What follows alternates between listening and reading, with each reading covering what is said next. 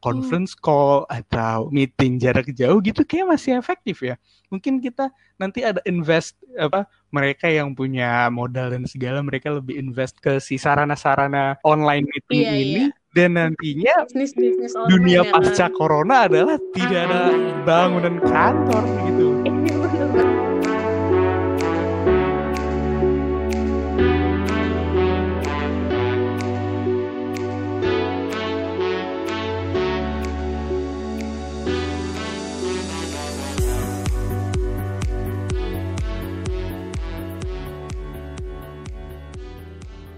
Halo pendengar masih sama, gue Di dan gue host kalian di episode kali ini.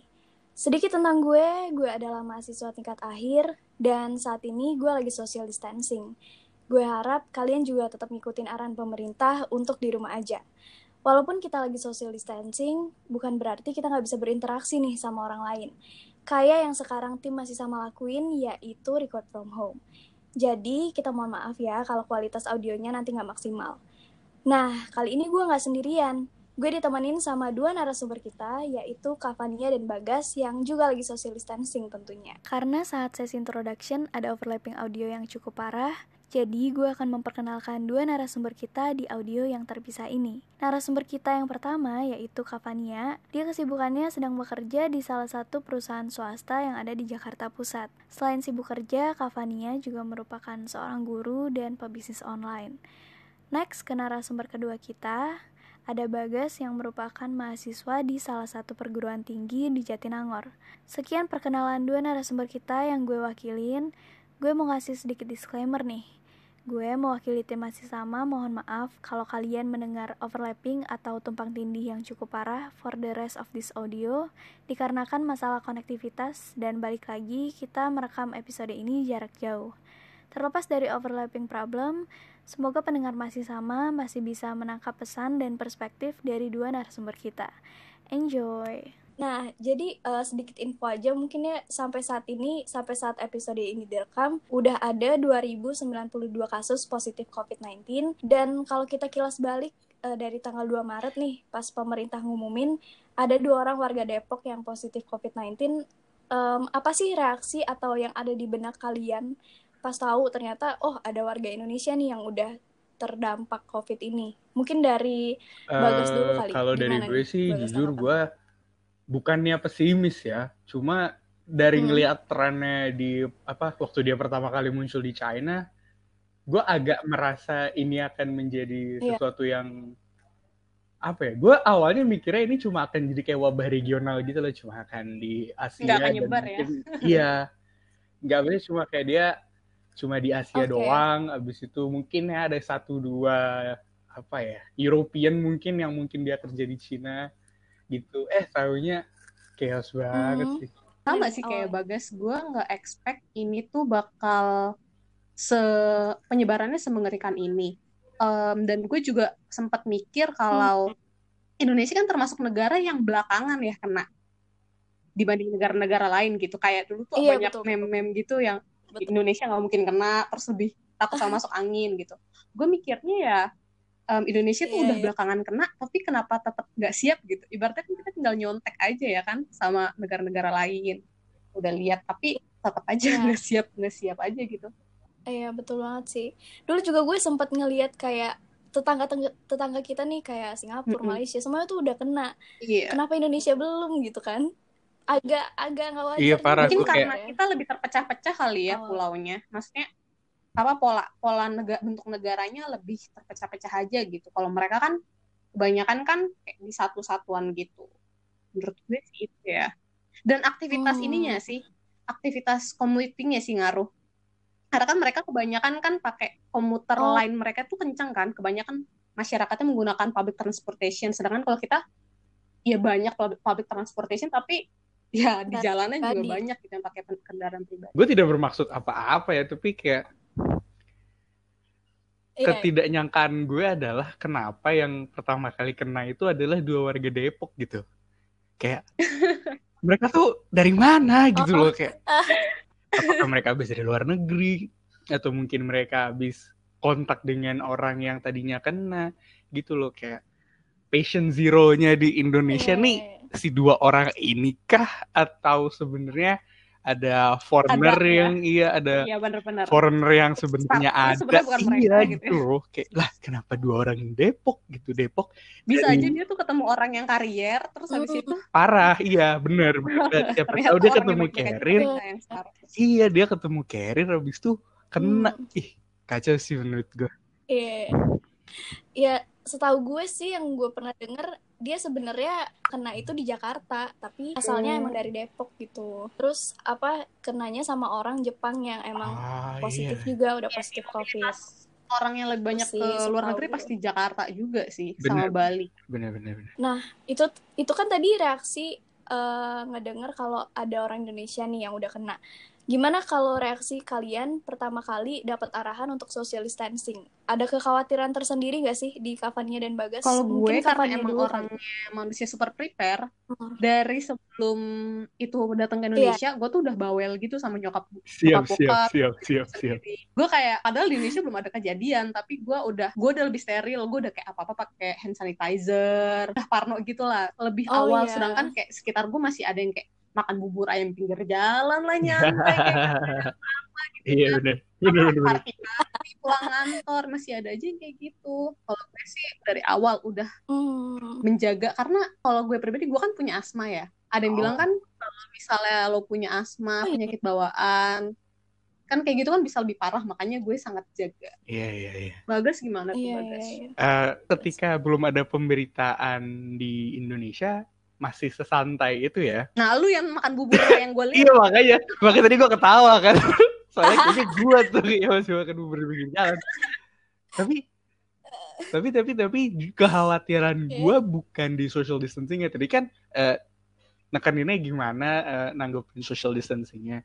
Ya karena gua kan anaknya cenderung Yes, nggak banyak betul, main ya. Jadi emang iya jadi emang iya Oh. anaknya homebody anak Homebody. anak rumahan parah parah oh Iya, jadi gue nggak merasa ada oke. sesuatu yang signifikan soal social distancing.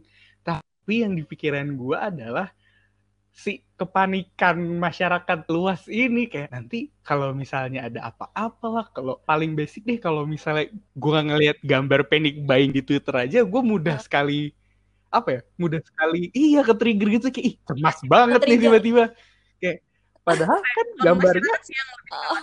Iya bener, padahal kan gambarnya aja belum tentu bener gitu. Maksudnya lah, siapa tahu aja tuh kayak dia udah foto dari kapan tahu, kebetulan aja ada orang Iya, iya, ngeborong ya kan. Iya, gue jujur Betul, takut betul, adalah betul. ngelihat sih eh, reaksi masyarakatnya dibanding eh, disuruh social distancingnya gitu. Gue tuh hari pertama hari pertama Oke, jadi- pengumuman yang Hmm. dua orang itu, gue lagi jajan ke Alfamidi ya kan cuma mau beli yang doang. Tiba-tiba gue liat orang ngeborong belasan susu bir brand. Gue kayak Iya sih. buset terus ada yang Iya borong sih, iya sih. Ya Allah, gue langsung parno kayak merasa kecil ya udah deh gue usah jajan Yakult gitu. Iya, soalnya kalau menurut gue si reaksi kita yang terlalu panik ini mak bakal apa? Bakal menghadiahkan kepada diri kita sendiri disrupsi yang jauh lebih chaos lagi.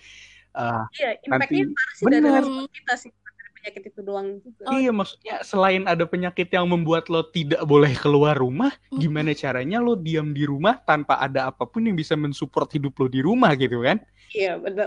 Kacau, bro. Nah, kalau Hmm. misalnya berkaitan sama kesibukan kalian nih masing-masing, Bagas kuliah dan Kavania kerja juga, bisnis juga online.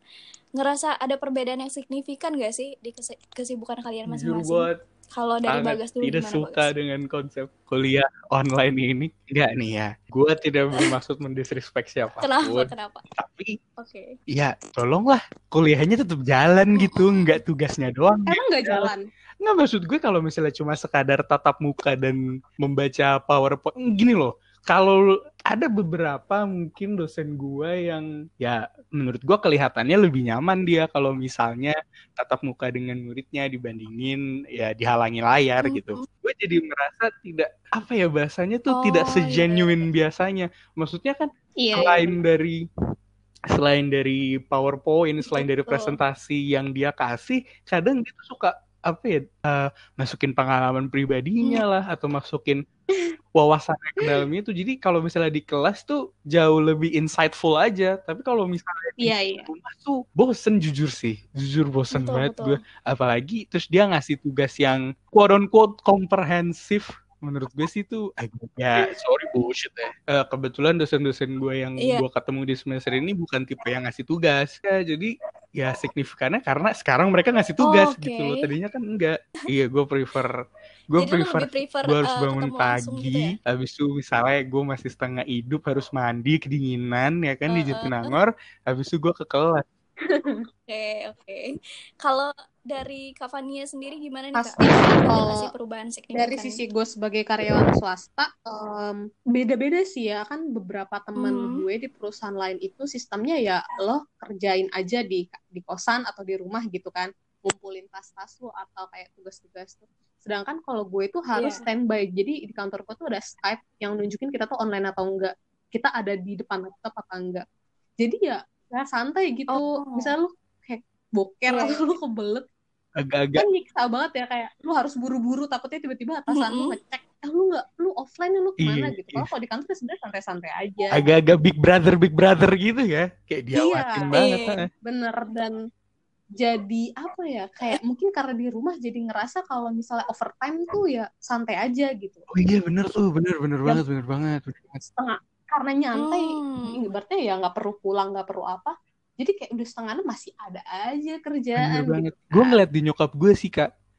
eh, Masih ada Menarik definisi kan? pasti iya lebih. definisi jam kerja yang fleksibel nih hmm, ditarik banget nih sama atasan fleksibel Iya, banget nih gitu loh. malah Heeh, bener-bener fleksibel heeh, fleksibelnya agak kalau gitu. iya bener, yang udah udah udah berumah tangga dan udah punya Iya. anak sih pasti lebih pusing karena benar harus ketemu anak, bantuin anak ngerjain PR lagi segala macam. Bener. Oh iya Ribet benar. gitu. kalau misalnya anaknya masih toddlers Mm-mm. gitu apalagi ya kan PR banget kalau di Aduh. keluarga gue sih jujur iya keluarga gue sih jujur Apalagi nyokap gue tetap bisa fokus sama kerjaan soalnya kebetulan anak-anaknya udah pada gede semua kan Udah Iya. gede.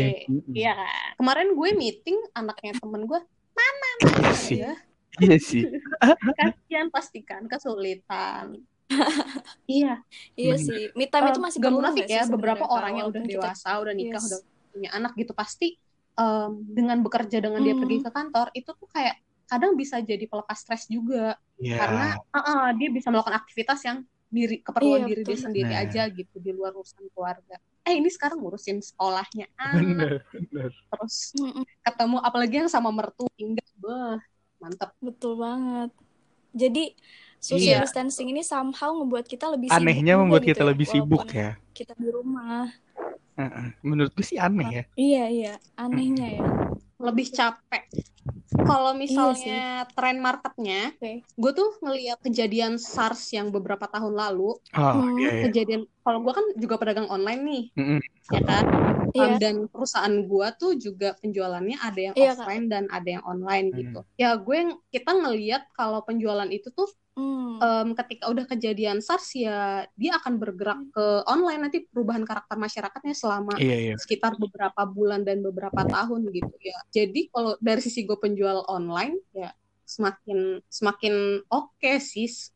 Maksudnya tra- trafficnya gitu, traffic Iya. customer. gue juga soalnya significantly bertambah ya pengeluarannya dibuat hiburan-hiburan online kebetulan kan gue suka stand up komedi ya jadi Oh iya, jadi gue bener. jadi kayak banyak beli digital download gitu Oh loh. iya. aduh udah Iya bener udah bener tiga bener. nih sampai hari ini gue kayak panik ya meskipun Soalnya lu gak Apa bisa nonton, tren lu di susah digital lu gak, bukan? gak Iya. nonton bioskop pasti kan keluar nonton konser. Heeh, meskipun kayak bioskop di deket rumah gue nih ya elah 10 menit kali ya jarak dari rumah gue tapi tetap saja deg-degan dong tidak bisa melihat Iya. masyarakat berkumpul tuh bikin takut gitu. Berarti kalian nggak ada Eh, keluar rumah sama gue sekali? Apa masih kapan? gue ke kantor tapi kayak bisa seminggu sekali dan cuma beberapa jam di kantor Oh. terus kelas online gue gue kan guru juga Aha. murid gue gue bikin online semua Oke. ya terpaksa Oh. Hmm. harus siap Oh iya. Dan eh, mereka punya akses ya kak untuk eh, apa? iya kayak gitu gitu kuliah online sekarang kan udah pakai aplikasi banyak gitu kan ya, Kak? kita untuk bisa lebih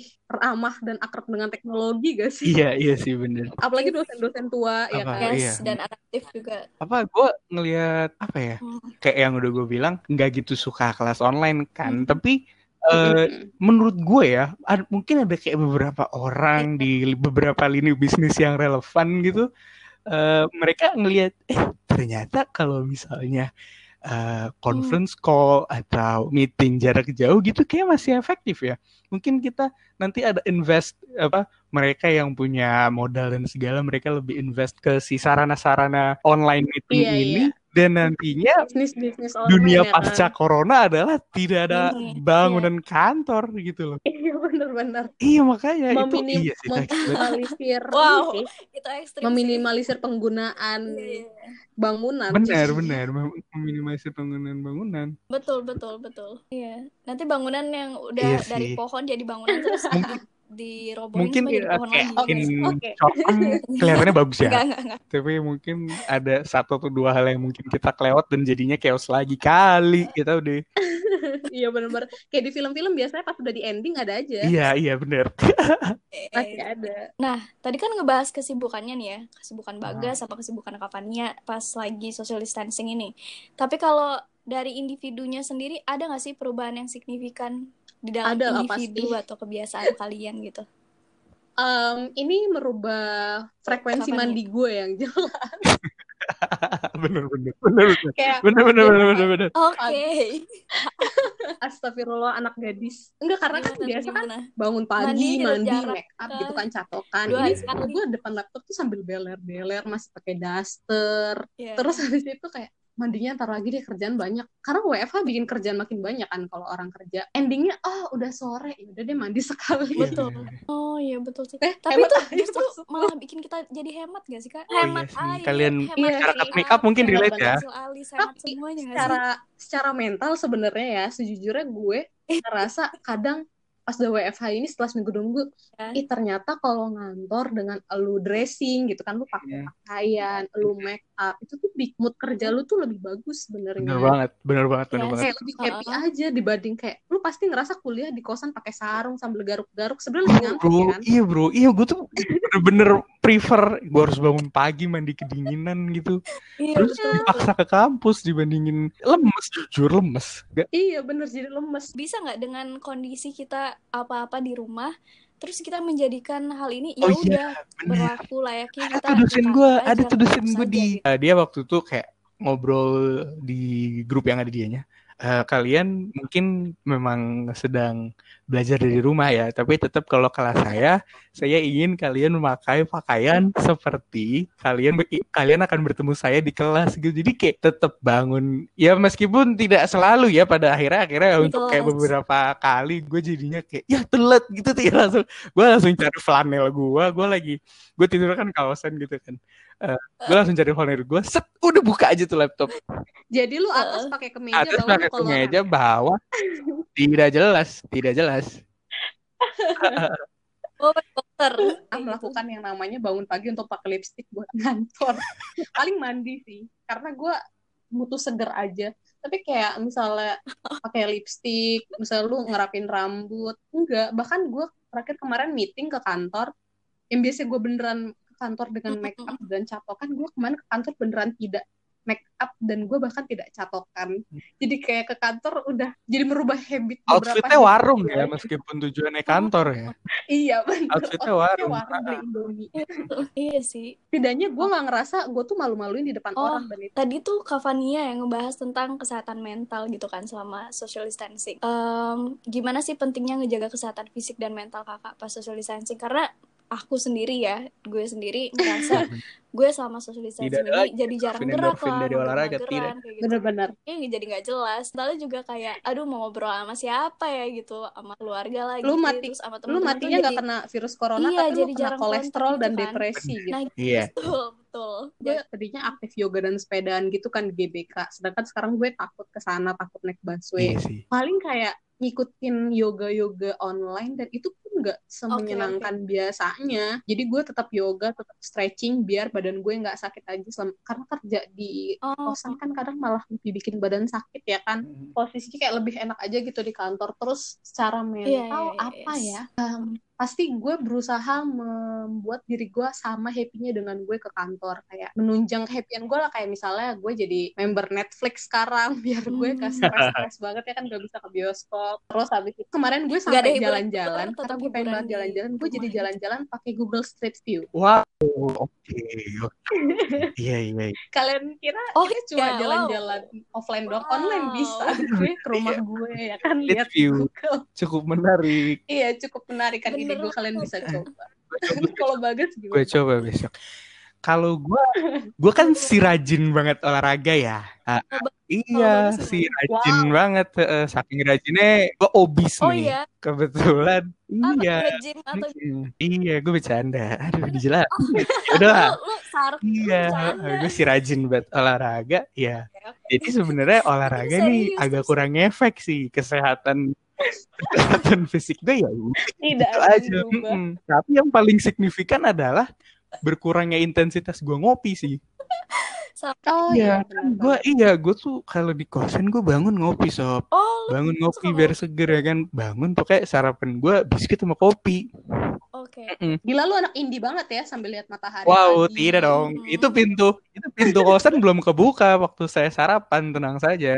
Oh, Kopi-kopi Kopinya kopi yang sachet gitu lokal. Iya, jadi kalau misalnya untuk dampak ke kesehatan Oke. fisik, kalau misalnya eh, menggendut sih udah pasti ya. Sepertinya gue akan menembus. Kebetulan di tahun ini gue nggak di tahun ini sih, di tahun baru tahun ini gue menembus rekor tiga digit gue. Hmm, tadinya belum pernah tiga Iya. digit, akhirnya saya tiga digit berat badan saya. Wow. Iya, akhirnya iya ya. akhirnya tiga digit. Jadi sepertinya ngomongin kesehatan fisik agak tidak relevan gitu. Tapi yang paling parah sih, Eh, yang paling berdampak sih di cara gua untuk nanganin bosen Kalau dan stresnya eh, social distancing.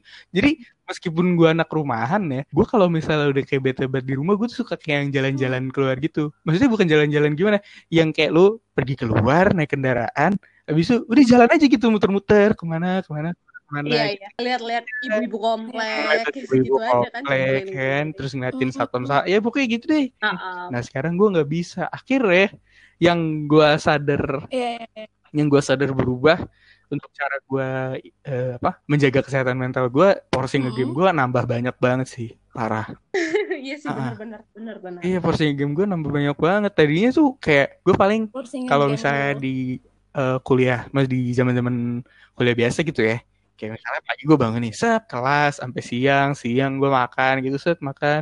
Habis itu Hmm. sampai sore udah nih sore. Kalau misalnya ada tugas kerja kerjain dulu kelar tugas kayak in jam 10 gitu-gitu.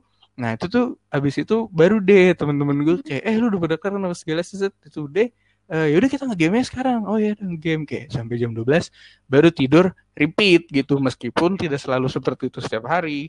Maksudnya nge-gamenya ya. Iya kalau sekarang tuh kayak gue bangun tidur set eh ada kelas di game game. dulu Oke. 30 menit gitu kan set kelas udah kelar nah kan ada tuh suka ada kayak jeda antar kelas tuh ya kan nggak semua nggak semua dosen rapi gitu kan ngelarin kuliahnya ya kan ada gue nge-game dulu Bener, lagi bener. 30 menit.